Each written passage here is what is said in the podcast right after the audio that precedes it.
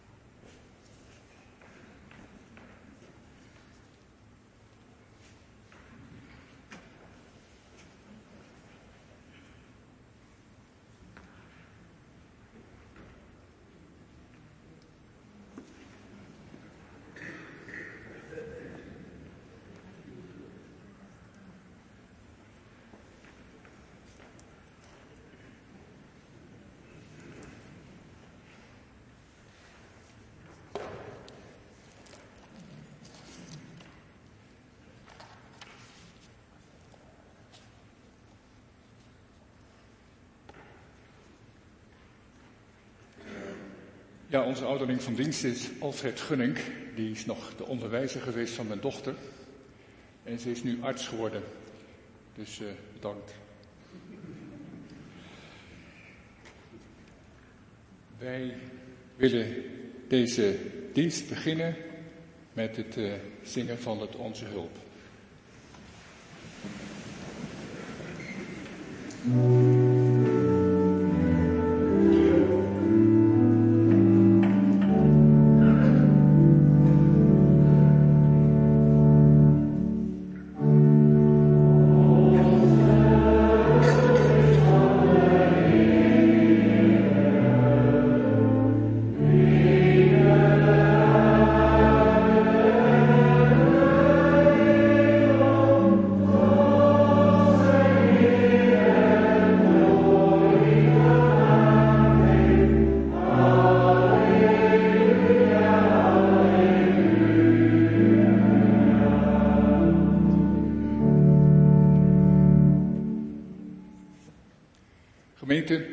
Genade zij u in vrede van God de Vader, door onze Heer Jezus Christus, in de verbondenheid met de Heilige Geest.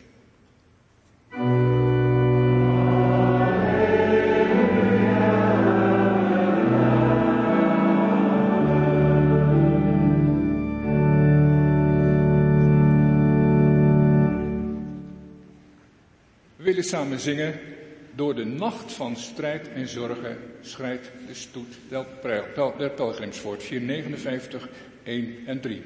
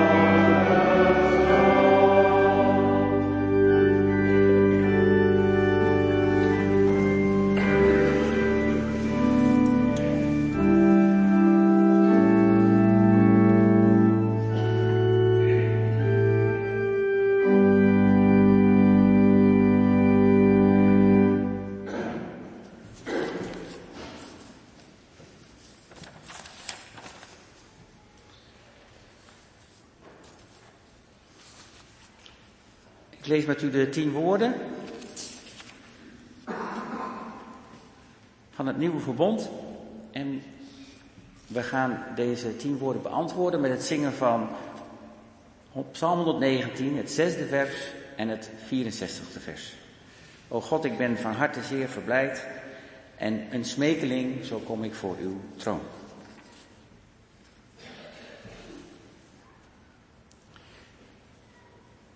Ik ben de Heer, uw God, die u uit Egypte, uit de slavernij heeft bevrijd. U zult geen andere goden voor mijn aangezicht hebben. U zult geen gesneden beeld en ook geen enkele gelijkenis maken van wat boven in de hemel is. En ook niet wat van wat beneden op de aarde is.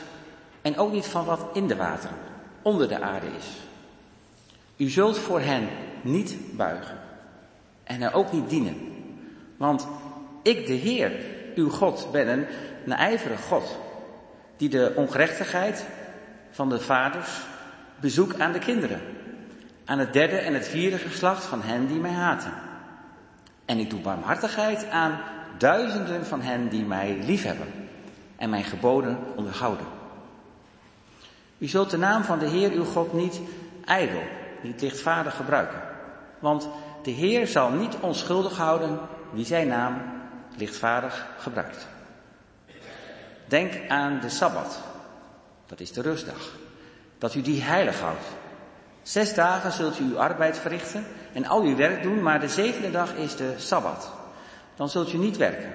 Uzelf niet, uw zoon niet, uw dochter niet, uw slaaf niet, uw slavin niet, uw dieren niet en ook de vreemdeling niet die in uw steden woont. Want in zes dagen heeft de Heer de hemel en de aarde gemaakt, de zee en al wat erin is, en hij rustte op de zevende dag. Daarom zegende de Heer de Sabbat en maakte die dag heilig. Eert uw vader en uw moeder, opdat uw dagen verlengd worden in het land dat de Heer uw God u zal geven. U zult niet doodslaan. U zult geen echtbreuk plegen. U zult niet stelen. U zult geen vals getuigenis spreken tegen uw naaste. U zult het huis van uw naaste niet begeren. Dat is graag willen hebben. U zult de vrouw van uw naaste niet begeren. Zijn slaaf niet. Zijn slavin niet.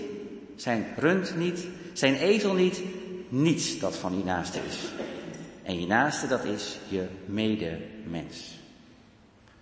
Kortom, wat de Heer heeft gezegd, Marcus 12, het eerste, het belangrijkste gebod is, hoor Israël, de Heer onze God, de Heer is één, en u zult de Heer uw God liefhebben met heel uw hart, en met heel uw ziel, en met heel uw verstand, en met al uw kracht.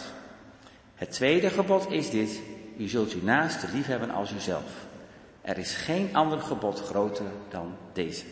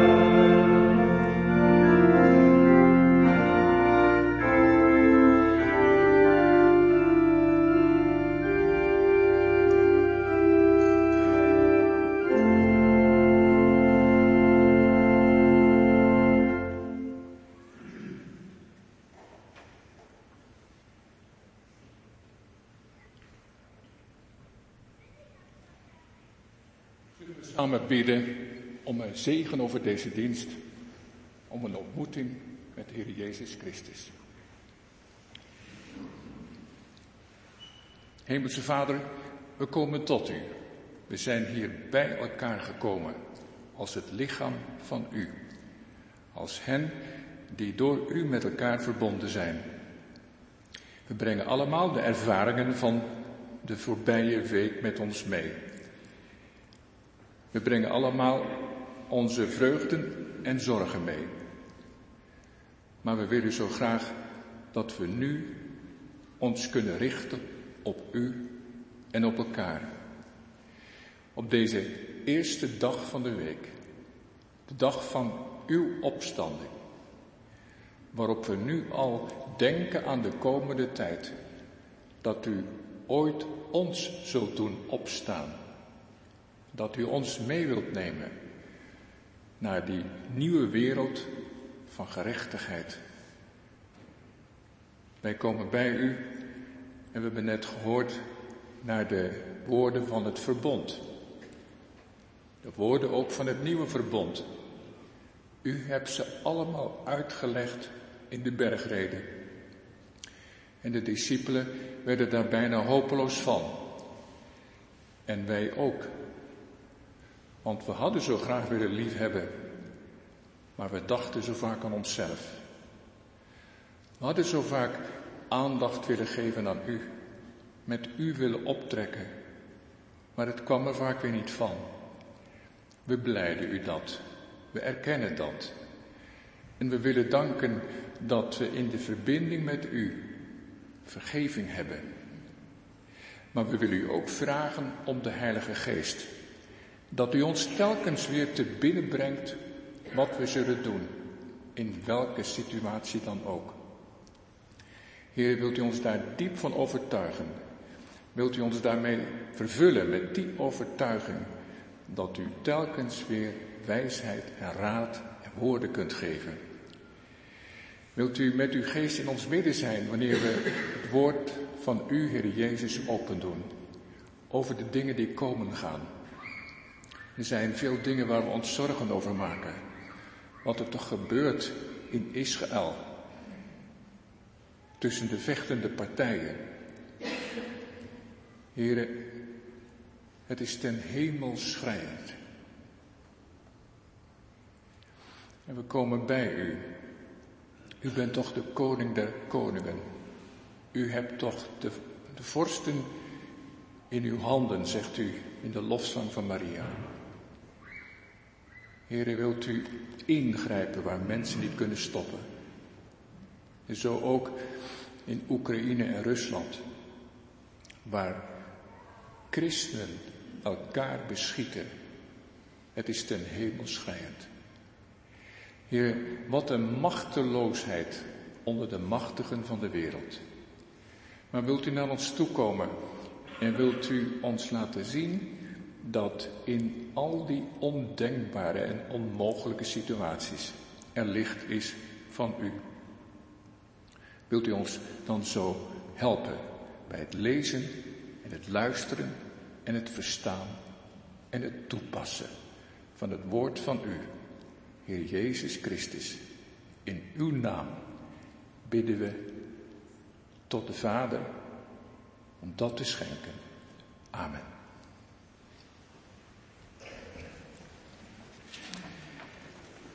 De kinderen gaan naar de kinderkring.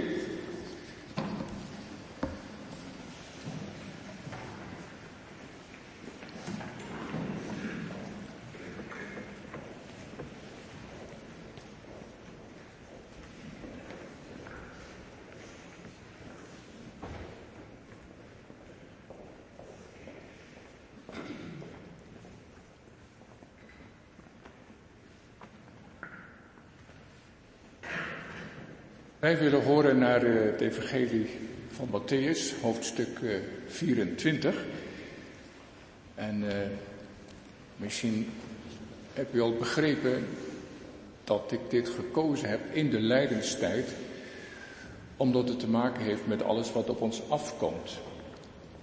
En op de mensen in Oekraïne en Israël. Heer Jezus helpt ons de tijd te verstaan. Maar tegelijkertijd helpt de Heer Jezus ons ook om ons te focussen op waar het op aankomt. Dat we vanuit onze roeping bezig zijn totdat Hij komt. Matthäus 24 vanaf vers 1.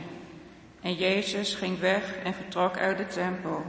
En zijn discipelen kwamen naar hem toe om hem op de gebouwen van de tempel te wijzen. Jezus antwoordde en zei tegen hen, ziet u dit alles? Voorwaar ik zeg u, hier zal niet één steen op de andere steen gelaten worden die niet afgebroken zal worden. Toen hij op de olijfberg zat, gingen de discipelen naar hem toe toen zij alleen waren en zeiden, zeg ons, wanneer zullen deze dingen gebeuren? En wat is het teken van uw komst en van de voleinding van de wereld? En Jezus antwoordde en zei tegen hen, pas op dat niemand u misleidt, want velen zullen komen onder mijn naam en zeggen, ik ben de Christus, en zij zullen velen misleiden. U zult horen van oorlogen en geruchten van oorlogen. Pas op, word niet verschrikt, want al die dingen moeten gebeuren. Maar het is nog niet het einde. Want het ene volk zal tegen het andere volk opstaan. En het ene koninkrijk tegen het andere koninkrijk. En er zullen hongersnoden zijn. En besmettelijke ziekten en aardbevingen in verschillende plaatsen. Maar al die dingen zijn nog maar het begin van de weeën. Dan zullen zij u overleveren aan verdrukking en u doden. En u zult door alle volken gehaat worden omwille van mijn naam. En dan zullen er velen struikelen en zij zullen elkaar overleveren en elkaar haten. En er zullen veel valse profeten opstaan en die zullen er velen misleiden. En doordat de wetteloosheid zal toenemen, zal de liefde van velen verkillen. Maar wie volharden zal tot het einde, die zal zalig worden. En dit evangelie van het koninkrijk zal in heel de wereld gepredikt worden tot een getuigenis voor alle volken. En dan zal het einde komen. Jawel, ja, zo heeft de Heer Jezus zijn discipelen voorbereid op de dingen die komen gingen.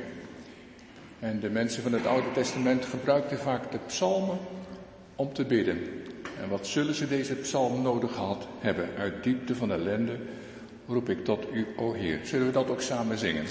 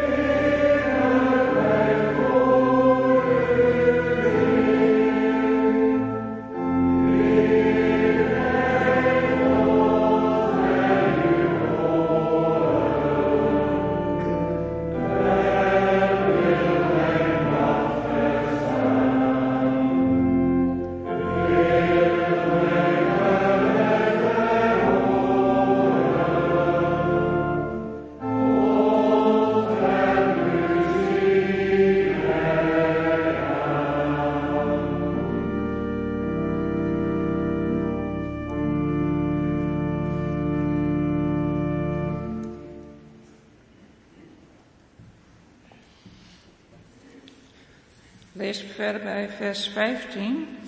Wanneer dan de gruwel van de verwoesting, waarover gesproken is door de profeet Daniel, zult zien staan op de heilige berg, laat hij die het leest daarop letten.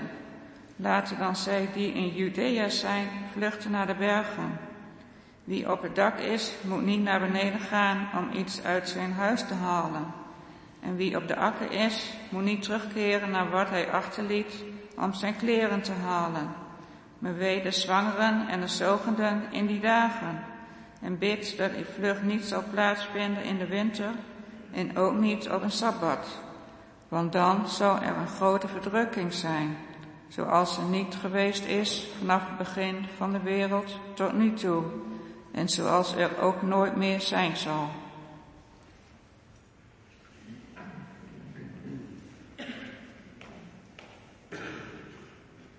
Nog een psalm. Psalm 130, het derde vers. Maar ik heb mijn hoop gevestigd op God, de Heer die hoort.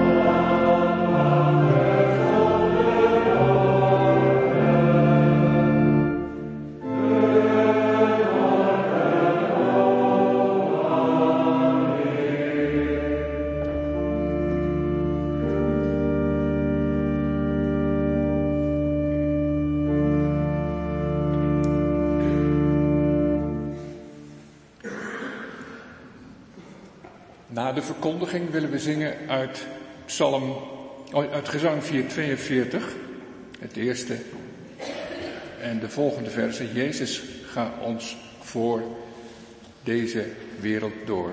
Gezang 442.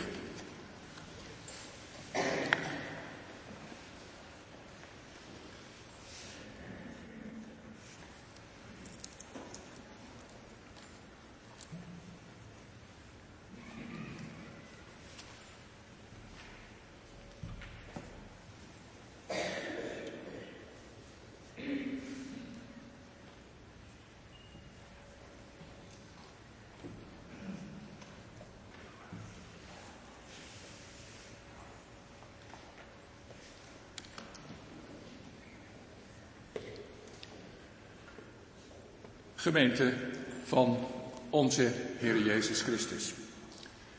En uh, jongens en meisjes.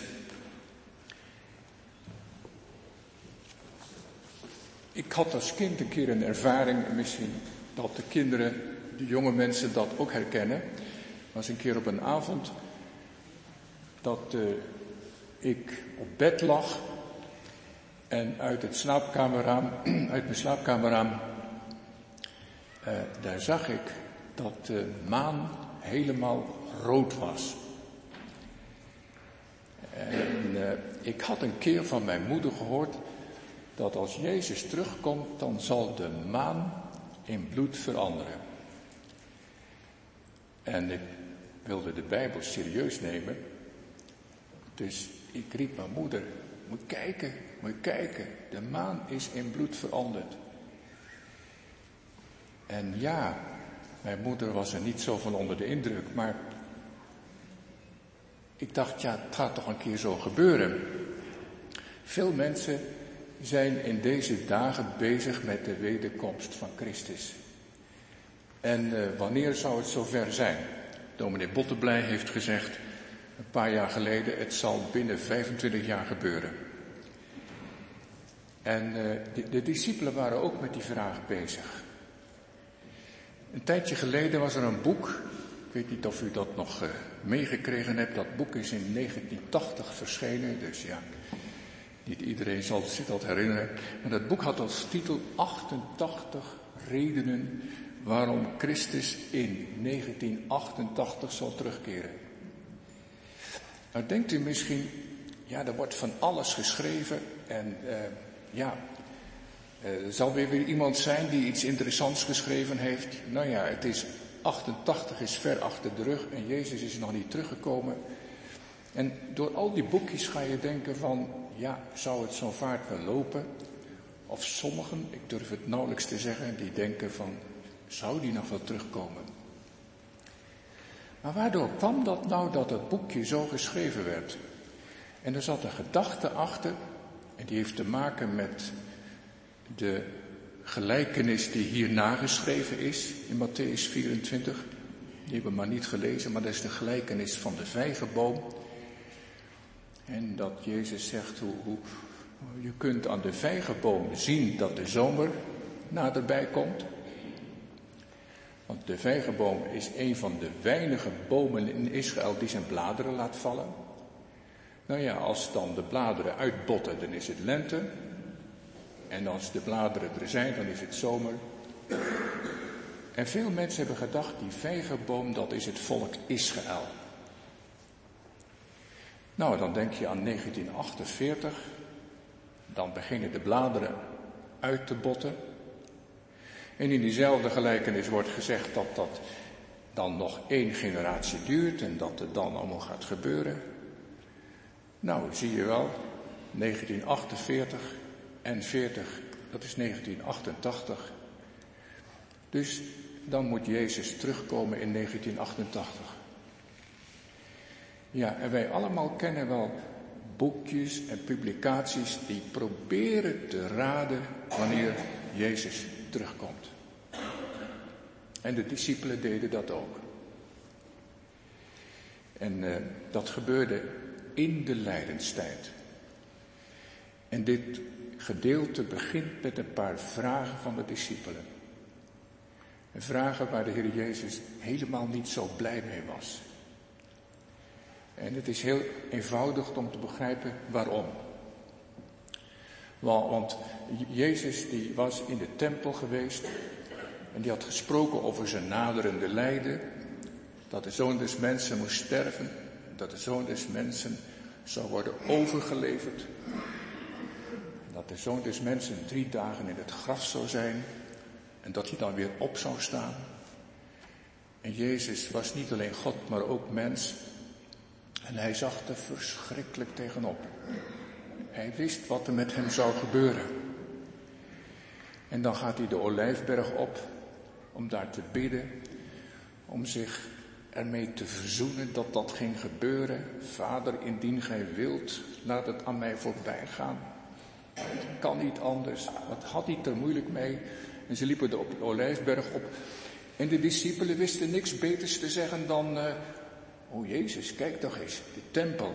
Wat is dat een prachtig gebouw.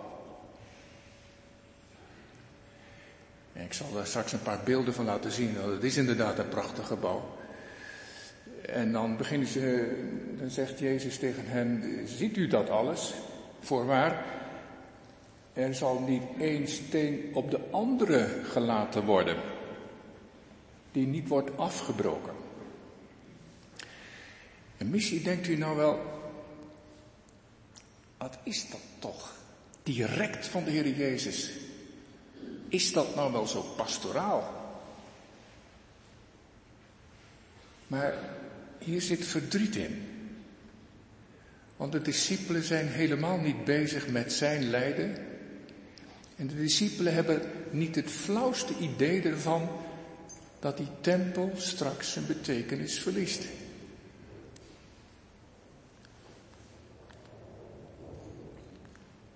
Nou, misschien kunt u het volgende plaatje doen.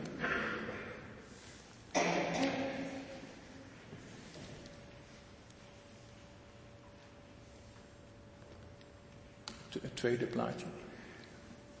Ja die tempel verliest zijn betekenis. Kijk, dit is wat ze natuurlijk zien. Dit is wat ze zien en dat is het prachtige gebouw van de tempel. Vanuit de Olijfberg kijk je zo bovenop en het is een indrukwekkend gebouw. En eh, ze verwonderen zich, in die tijd was er weinig luchtvervuiling, omdat er natuurlijk geen auto's waren. Dat gebouw dat stond helder in het licht. En het was een enorm gebouw. Dat is vier voetbalvelden groot. En de grootste ruimte daar is de voorhof der heidenen, want de heidenen moeten verenigd worden met Israël. En als je dan eh, daar beneden daar de, de tunnel doorging en een grote trap en dan kwam je boven en dan, was alles helder en prachtig. Wat een mooi gebouw. Ja, die was gebouwd twintig jaar voordat Jezus kwam. En die uh, negen jaar voordat Jezus kwam is die geopend. De financiën kwamen van Herodes. Ja, en, en dat was die prachtige tempel. Deze tempel zal niet blijven. Geen steen zal op de andere blijven, zegt de Heer Jezus. En dan gaan de discipelen vragen, maar wanneer gaat dat dan gebeuren? En vragen ze letterlijk, en wat zal het teken zijn van uw komst bij het einde van de wereld? Die eerste vraag, die begrijpen we wel, wanneer zal dat gebeuren? Maar die tweede vraag, waar komt die vandaan? Wat zal het teken zijn van uw komst bij het einde van de wereld? Oh ja, de discipelen dachten, de tempel zal wel een keer worden verwoest, maar dat zal zijn bij het einde van de wereld. En de discipelen hadden wel vaker gehoord van de schriftgeleerden en van de fariseeën, van allerlei tekenen in de lucht en allerlei gebeurtenissen in de geschiedenis die voorafgaan aan het einde van de wereld. Daar werd heel veel over nagedacht in die tijd ook al. Dus hebben ze gedacht van, ja, dit gaat natuurlijk gebeuren aan het einde van de wereld. En dan zegt Jezus, dat is niet zo. Al die dingen die er opgesomd zijn, die oorlogen en hongersnoden en epidemieën en aardbevingen, die moeten wel gebeuren. Die horen bij de tijd. En wij hadden zo gehoopt dat we met de Verenigde Naties en met zijn stukje techniek, dat we dat allemaal te boven zouden komen. Maar die, die moeten gebeuren, die horen bij de tijd. Maar dat is het einde niet. Dus de tempel wordt verwoest en het is niet het einde. De vragen nemen alleen maar toe. En in dat verband vertelt Jezus die gelijkenis van de vijgenboom. En hij bereidt de discipelen voor op de dingen die komen gaan. En als jullie kinderen vragen hebben over dit Bijbelgedeelte, dan moet je ze vooral onder de, onder de aandacht brengen. Hier worden de discipelen voorbereid. En het mooie is dat je kunt zien hoe de Heer Jezus de discipelen voorbereidt op de dingen die komen gaan. Maar wij worden ook voorbereid. Want die dingen die, die, die stoppen niet met de verwoesting van de tempel. Die dingen, ja, die, die gaan door. En als je dat zo bij elkaar ziet, dan schrik je ervan. Ik kwam wel eens in een gezin waar de mensen nogal expressief waren, nogal uitgesproken waren. En er komt een uh, de tiener die komt binnen rennen en die zegt, nou moet ik nog dit doen en ik moet mijn huis maken en ik moet nog naar de sport toe. En volgende week heb ik dit en dat nog en dan moet ik dat ook nog afmaken. En zegt de vader, en je moet uiteindelijk ook naar je eigen begrafenis toe. Ja, dan, dan heb je alles bij elkaar. En dan vliegt het je aan. En dat zie je ook in dit Bijbelgedeelte. Alles is bij elkaar. En dat noemen we profetische verdichting. Alles bij elkaar. Maar wanneer zich dat ontplooit, dan gaat dat stap voor stap en de Heer Jezus is daarbij. En dat geldt nu ook. Ook voor de mensen in Oekraïne, waar christensoldaten vanmorgen op pad moeten gaan en vanavond leven ze niet meer. Ik herinner me een keer in Mozambique was het vreselijke hongersnood. En de mensen hadden niet te eten. Ze aten alleen nog zwarte, bedorven rivierkreeften. En ik vroeg hen dus, is dat nou niet moeilijk wanneer Jezus zegt, zoek eerst het koninkrijk en de rest wordt u geschonken. ze werden bijna boos op me. Ze zeiden tegen me, dat is onze enige troost. Het koninkrijk komt. En uiteindelijk zal die voor ons zorgen. Daar gaan we toch niet aan twijfelen, dat is onze enige hoop. En eigenlijk is dat voor ons ook zo. Wat er ook gebeurt, het koninkrijk is er. En het koninkrijk komt. En Jezus leeft. En als het erop aankomt, laat hij ons niet zitten. En wanneer we misschien sterven of ziek zijn, en we komen aan de andere kant, dan zeggen we, hadden we dat maar geweten. Wat is het meegevallen? En, zo zien we vanmorgen dat Jezus de discipelen voorbereidt op de dingen die komen gaan. En uh, hij, hij, zegt hier, er zullen grote dingen gebeuren. Hè? De hongersnoden, oorlogen. En dat is ook werkelijk gebeurd in die tijd. Want uh, in de tijd van het boek Handelingen tot aan het Handelingen, Handelingen eindigt in het jaar 62. Ja, en dan begint de Joodse opstand tegen de Romeinen. En dan begint de Joodse burgeroorlog. En dan uiteindelijk, dan uh, zijn ze zo bezig met die burgeroorlog dat, ze honger hebben. En dan in het jaar 64 steekt Nero de stad Rome in brand en geeft de christenen de schuld van. Dus moeten de christenen en de Joden maar betalen. Dus moeten ze de tempelschat maar inleveren, 13 talenten. Ja, dus dat is 13 talenten zilver, dat is, ja, dat is een enorm bedrag. En dat willen ze niet, dan komen de Joden gezamenlijk in opstand. En dan brengen de Romeinen een, een legerinstelling van Edomieten. En, en die gaan de, de stad omringen en om, om, omcirkelen. En dan wordt het heel gevaarlijk. En hier komt de hulp van de Heer Jezus. De Heer Jezus heeft tegen de discipelen gezegd, wanneer al deze dingen gebeuren, toen, dan moet je niet meedoen in die strijd. Want iedereen werd gemobiliseerd en je zou moeten vechten tegen de Romeinen. Je moet niet meedoen. Als die dingen gebeuren, dan moet je weggaan. Dan heb je je taak gedaan. Dat is de boodschap van de Heer Jezus. En dat is zo belangrijk. Want de druk was zo groot dat Joden vochten voor hun tempel. Dat was hun alles. Maar als het lam van God geofferd is, geslacht is, is dan die tempel nog nodig? Die heeft zijn tijd gehad. En dit is een generatie geweest om daaraan te wennen dat de tempel niet meer nodig is. En zo is de gemeente, die is verspreid over ja, het toenmalige Midden-Oosten. Naar de havensteden, naar Efeze, naar Athene, naar Korinthe, overal zijn ze heen gegaan. En er komt het tweede ding waar de Heer Jezus de, de discipelen op voor wil bereiden. Toen, en ook nu, dat ze moeten oppassen voor misleiding. Want er zullen zoveel mensen komen die spreken alsof ze Christus zijn, alsof ze de Messias zijn. Nou, dat gebeurde al in de tijd voor Jezus. Dat gebeurde in de tijd van het boek Handelingen. En daarna gebeurde dat ook. En ze spreken zo overtuigend woorden in naam van Christus, in naam van het geloof. Maar het is niet van Jezus. En dat is voor ons ook van belang. We hebben in Nederland zoveel meningen. Zoveel meningen.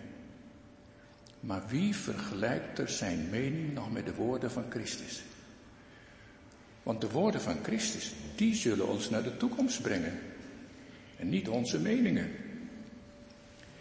En er zullen ook mensen zijn die zeggen, ik ben de Christus, nou moet je met me meegaan. Dat gebeurt ook. Naar het overjordaanse, naar de andere kant van de Jordaan. En de andere was een Christus en die zei, je moet met ons vechten tegen de Romeinen, Bar Kochba. En het was zo moeilijk om te beslissen. Ging je daar nou weer mee? Was dat nou zo of was dat nou niet? En de Heer Jezus helpt 30 jaar van tevoren al, ga er niet in mee. Doe nou wat ik zeg. Vlucht maar naar Judea, vlucht maar naar het overjordaanse, naar Pella. Doe er niet aan mee. Opdat die discipelen maar in leven blijven. Opdat ze met hun roeping bezig kunnen zijn. Want hun roeping is dat ze naar Judea moeten gaan en naar Samaria en naar het einde van de aarde om het evangelie te brengen. Ze moeten blijven leven om het evangelie te brengen. En dan zegt Jezus ook, en dat is de, de derde gedachte, dat er veel mensen zullen komen die, die het hen moeilijk maken, die hen verdrukken. En dat is ook gebeurd. We weten dat in de tijd van de verwoesting van Jeruzalem, van de verwoesting van de tempel, zijn, zijn meer dan een miljoen mensen om het leven gebracht. Dat is de grote verdrukking waar Jezus over sprak. En die mensen in Jeruzalem, die hebben gevochten en gevochten. Die hebben al gevochten met een grote trouw. Misschien kunnen we nog even doorgaan. En uh, dan gaan we nog verder door. En ze hebben gevochten totdat ze hier terechtkwamen in de burcht Masada. En daar, dat was toen volgebouwd met huizen en met, met, met straten en met kazernes. En, en daar hebben ze tot het laatst gevochten. Maar de discipelen zijn daar niet naartoe gegaan, de apostelen ook niet. Die zijn naar de havensteden gegaan, maar daar begon de verdrukking ook al. En het boek, het boek Openbaring van Johannes, die, dat heeft, heeft dat er ook over. Hè? Als in het boek Openbaring, in het eerste hoofdstuk, uh, Jezus tegen Johannes zegt, ik moet je informeren over de dingen die spoedig gaan gebeuren. Dit wat hier gebeurde, die grote verdrukking. Die zou ook gebeuren in die havensteden en in Rome. Hè, Diocletianus, de mensen die door de leeuwen werden geworpen. En Jezus wist het allemaal dertig jaar van tevoren. En Jezus wilde hen er doorheen helpen. En dan vergelijkt Jezus al deze dingen met weeën.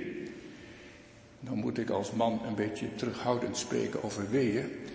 Maar ja, een bevalling kan soms lang duren. En het begint met weeën. En dan zegt je vrouw, ik denk dat het begint. Maar het stopt toch ook weer. En dan begint het weer opnieuw. En dan wordt het erger. En het stopt toch ook weer. Ja, dan, dan wordt het erger. Dan denk je dat het doorzet. Je moet de vroedvrouw maar roepen. Maar het stopt toch ook weer. Er is nog geen ontsluiting. Ja, zo gaat dat dan. En zo spreekt de Heer Jezus over de tijd. Er gebeuren dingen, er zijn oorlogen en het stopt ook weer. En het zijn epidemieën en het stopt ook weer. Want het zijn geen tekenen van de komst van Jezus, maar het gebeurt wel. Dus je hebt er ook niks aan om te voorspellen wanneer de Heer Jezus komt. Er zijn geen tekenen die ons vertellen dat de Heer Jezus aan het komen is. Maar al die dingen, zegt Jezus, die moeten ons op één ding focussen, dat we volharden. En hij zegt dat tegen de discipelen, tegen de apostelen, jullie moeten volharden, jullie moeten volhouden. En die volharding heeft met hun roeping te maken. En zo komt het ook bij ons terecht. Want wie van jullie ook maar een klein beetje geloof heeft in de Heer Jezus Christus, wat Hij in onze plaats heeft gedaan. En dat Hij ons Zijn Heilige Geest wilde geven. En dat die Heilige Geest in ons woont. Niet zodra de Heilige Geest in je woont, staat je leven onder een roeping. Dan ga je met andere ogen naar God kijken en andere ogen naar je medemens. Dan komen er mensen op je weg. Mensen met geloofsvragen. Mensen met praktische vragen. Ze komen op je weg. En wat is nou mooier dan dat je met zulke mensen en met de dienst van de Heer Jezus bezig bent totdat Hij komt. Dat is wat de Heer Jezus vanmorgen mee wil geven. Er gebeuren verschrikkelijke dingen. Maar wij leven niet in Oekraïne. Wij leven niet in een hongersnood. Hebben de handen nog vrij om onze roeping te doen. Terzijde, in het leger in Oekraïne wordt er veel getuigd en veel gesproken. Daar komen mensen ook hun roeping na. Totdat ze aan de andere kant komen en zeggen, het is voorbij. En wat valt het me mee? Wat is het mooi om thuis te komen bij de Heer Jezus. Maar we hebben toch zoveel gehoord over tekenen van de tijden.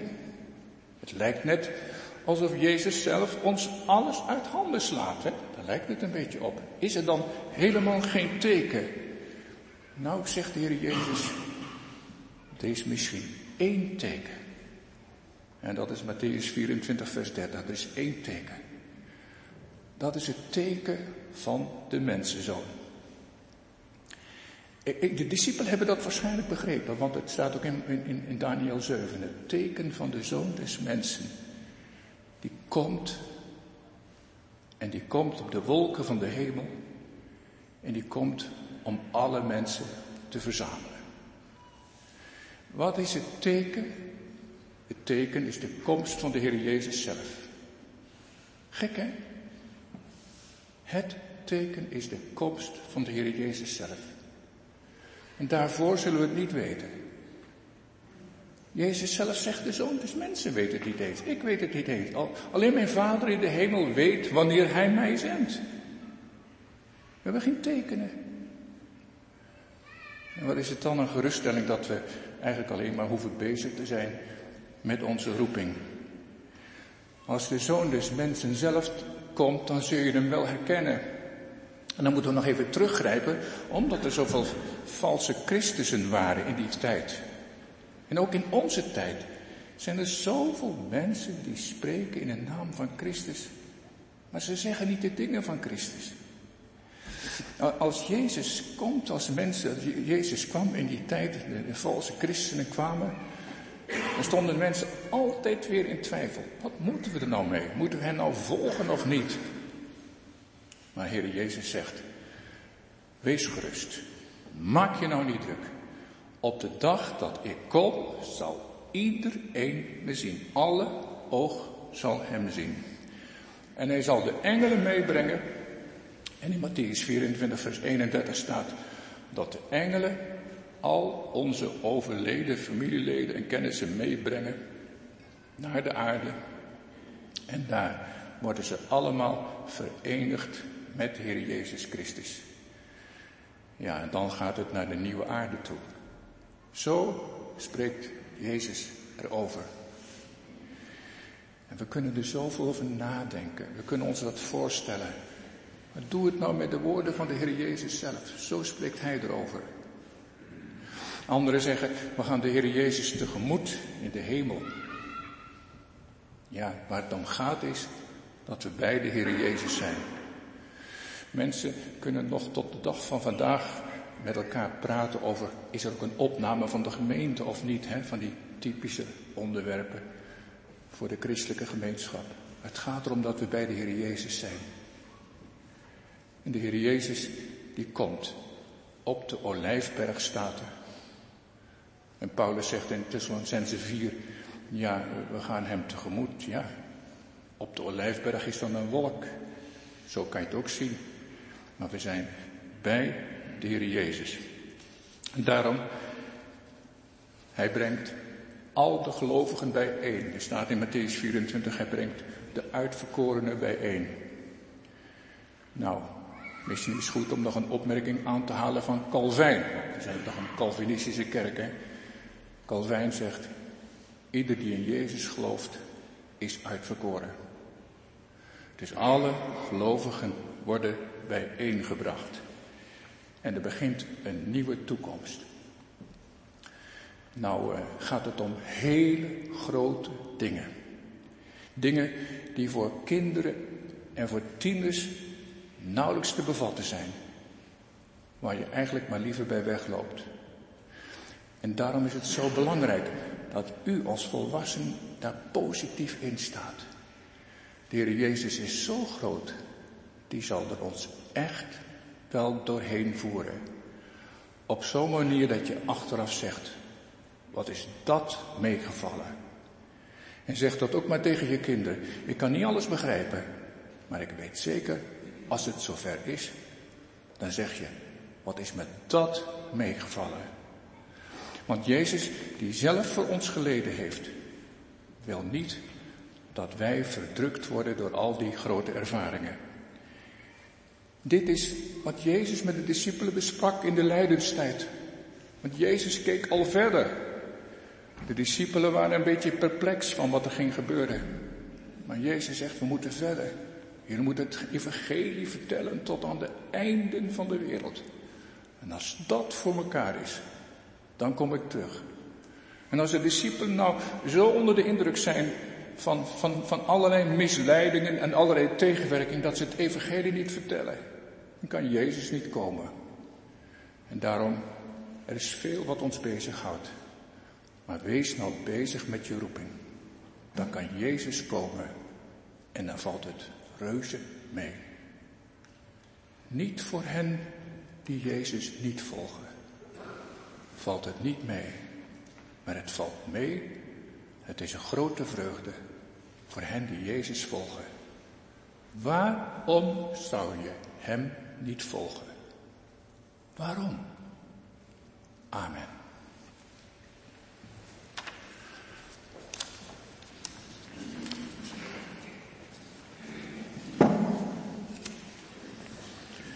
We gaan met elkaar zingen. Jezus, ga ons voor. Valt de weg ons lang in de woestenij, blijft Hij ons nabij.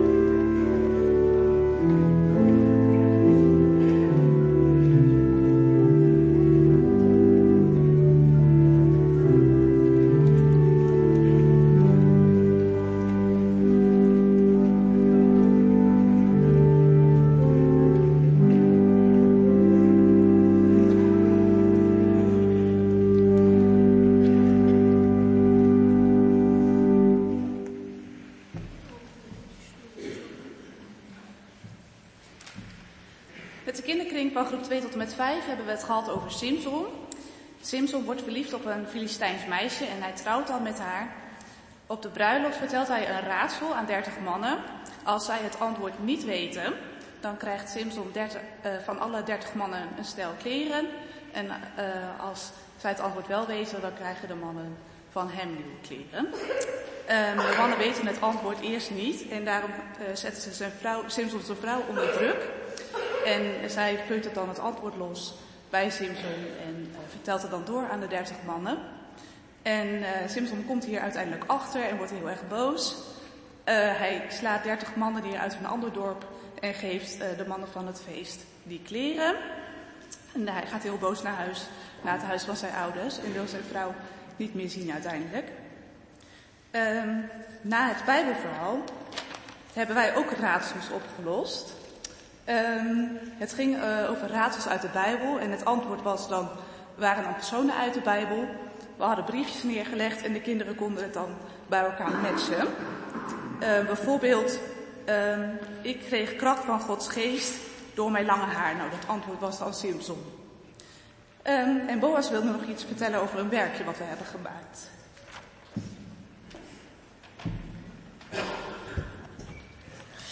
We gingen lijntjes trekken wat uiteindelijk een leeuw werd. En gingen we verder gewoon tekenen.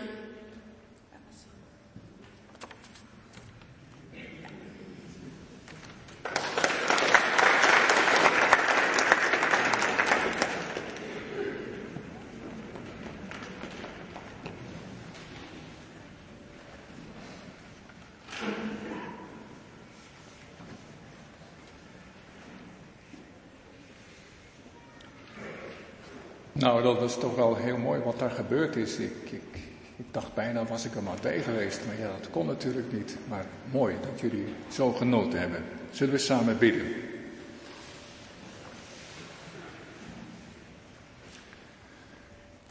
Trouw God, we komen tot u in de naam van uw Zoon. Heer Jezus, we komen tot u om u te danken dat u zich hebt laten zenden dat u in deze gebroken wereld gekomen bent. Dat u zich dat aangetrokken hebt. Dat u, zoals u huilde bij het verdriet van Martha en Maria over Lazarus, dat er tranen zijn in de hemel over al die dingen die nog moeten gebeuren voordat u kunt komen. Wil u vragen of u ons te midden van alles wat er in kranten staat en wat er op radio en tv naar ons toe komt. Dat u ons zo wilt vervullen met uw geest. Dat we het zien zitten. Dat we het aan kunnen. Dat we moed verzamelen. En dat we bezig zijn met de roeping voor ons leven. We danken u dat u alles op alles zet om de discipelen daarbij te helpen en ook ons. Wilt u ons leiden als burgers van het Koninkrijk? We willen u vragen of u zich ontfermen wilt over al die aangevochten mensen in Gaza, in Israël, in Oekraïne, in Rusland. En we willen begrijpen dat u dat doet. Dat op het oog de ellende zo groot is, maar dat u in het verborgene nabij bent. Geef dan dat we dat mogen vertrouwen en zelf moed vatten om de dingen te doen die u van ons vraagt. We willen u ook vragen of u wilt zijn met hen die ziek zijn. We willen u bidden voor Marie Merkes. Ze gaat moeilijke tijden tegemoet. Wanneer ze moet afgaan op de resultaten van het onderzoek. Heren, wilt u met haar zijn wanneer ze ook behandelingen moet ondergaan immuun of chemo. Hier wilt u letten op haar lichaam. en op haar ziel. En wilt u haar er doorheen helpen samen met haar familie. Heren, nu het zo moeilijk is, wilt u haar troosten. We willen u vragen of u zo wilt zijn met onze gemeente vandaag, de dag van de opstanding, de komende dagen. Wees ons nabij. Zegen ons. Vervul aan ons wat u ons belooft. Amen.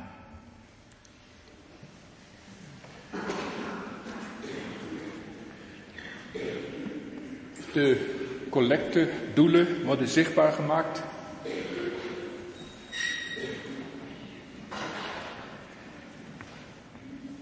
En straks, na het collectemoment, gaan we met elkaar zingen. Gezang 4, 59, 7 en 8. Zo gaan wij met elkaar door de nacht op weg naar huis.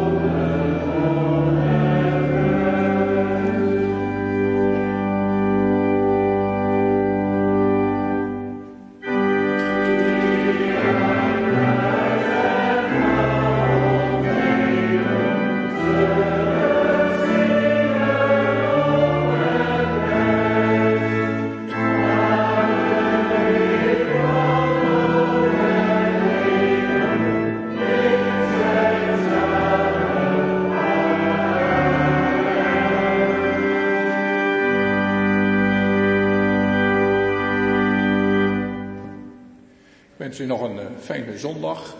Een fijne verjaardag voor Sanne. Niet vergeten haar te feliciteren. En u mag God zegen ontvangen. Ontvangt God zegen. De genade van onze Heer Jezus Christus. De liefde van God. En de gemeenschap van zijn Heilige Geest. Zijn met u en met jou. Met allemaal. Amen.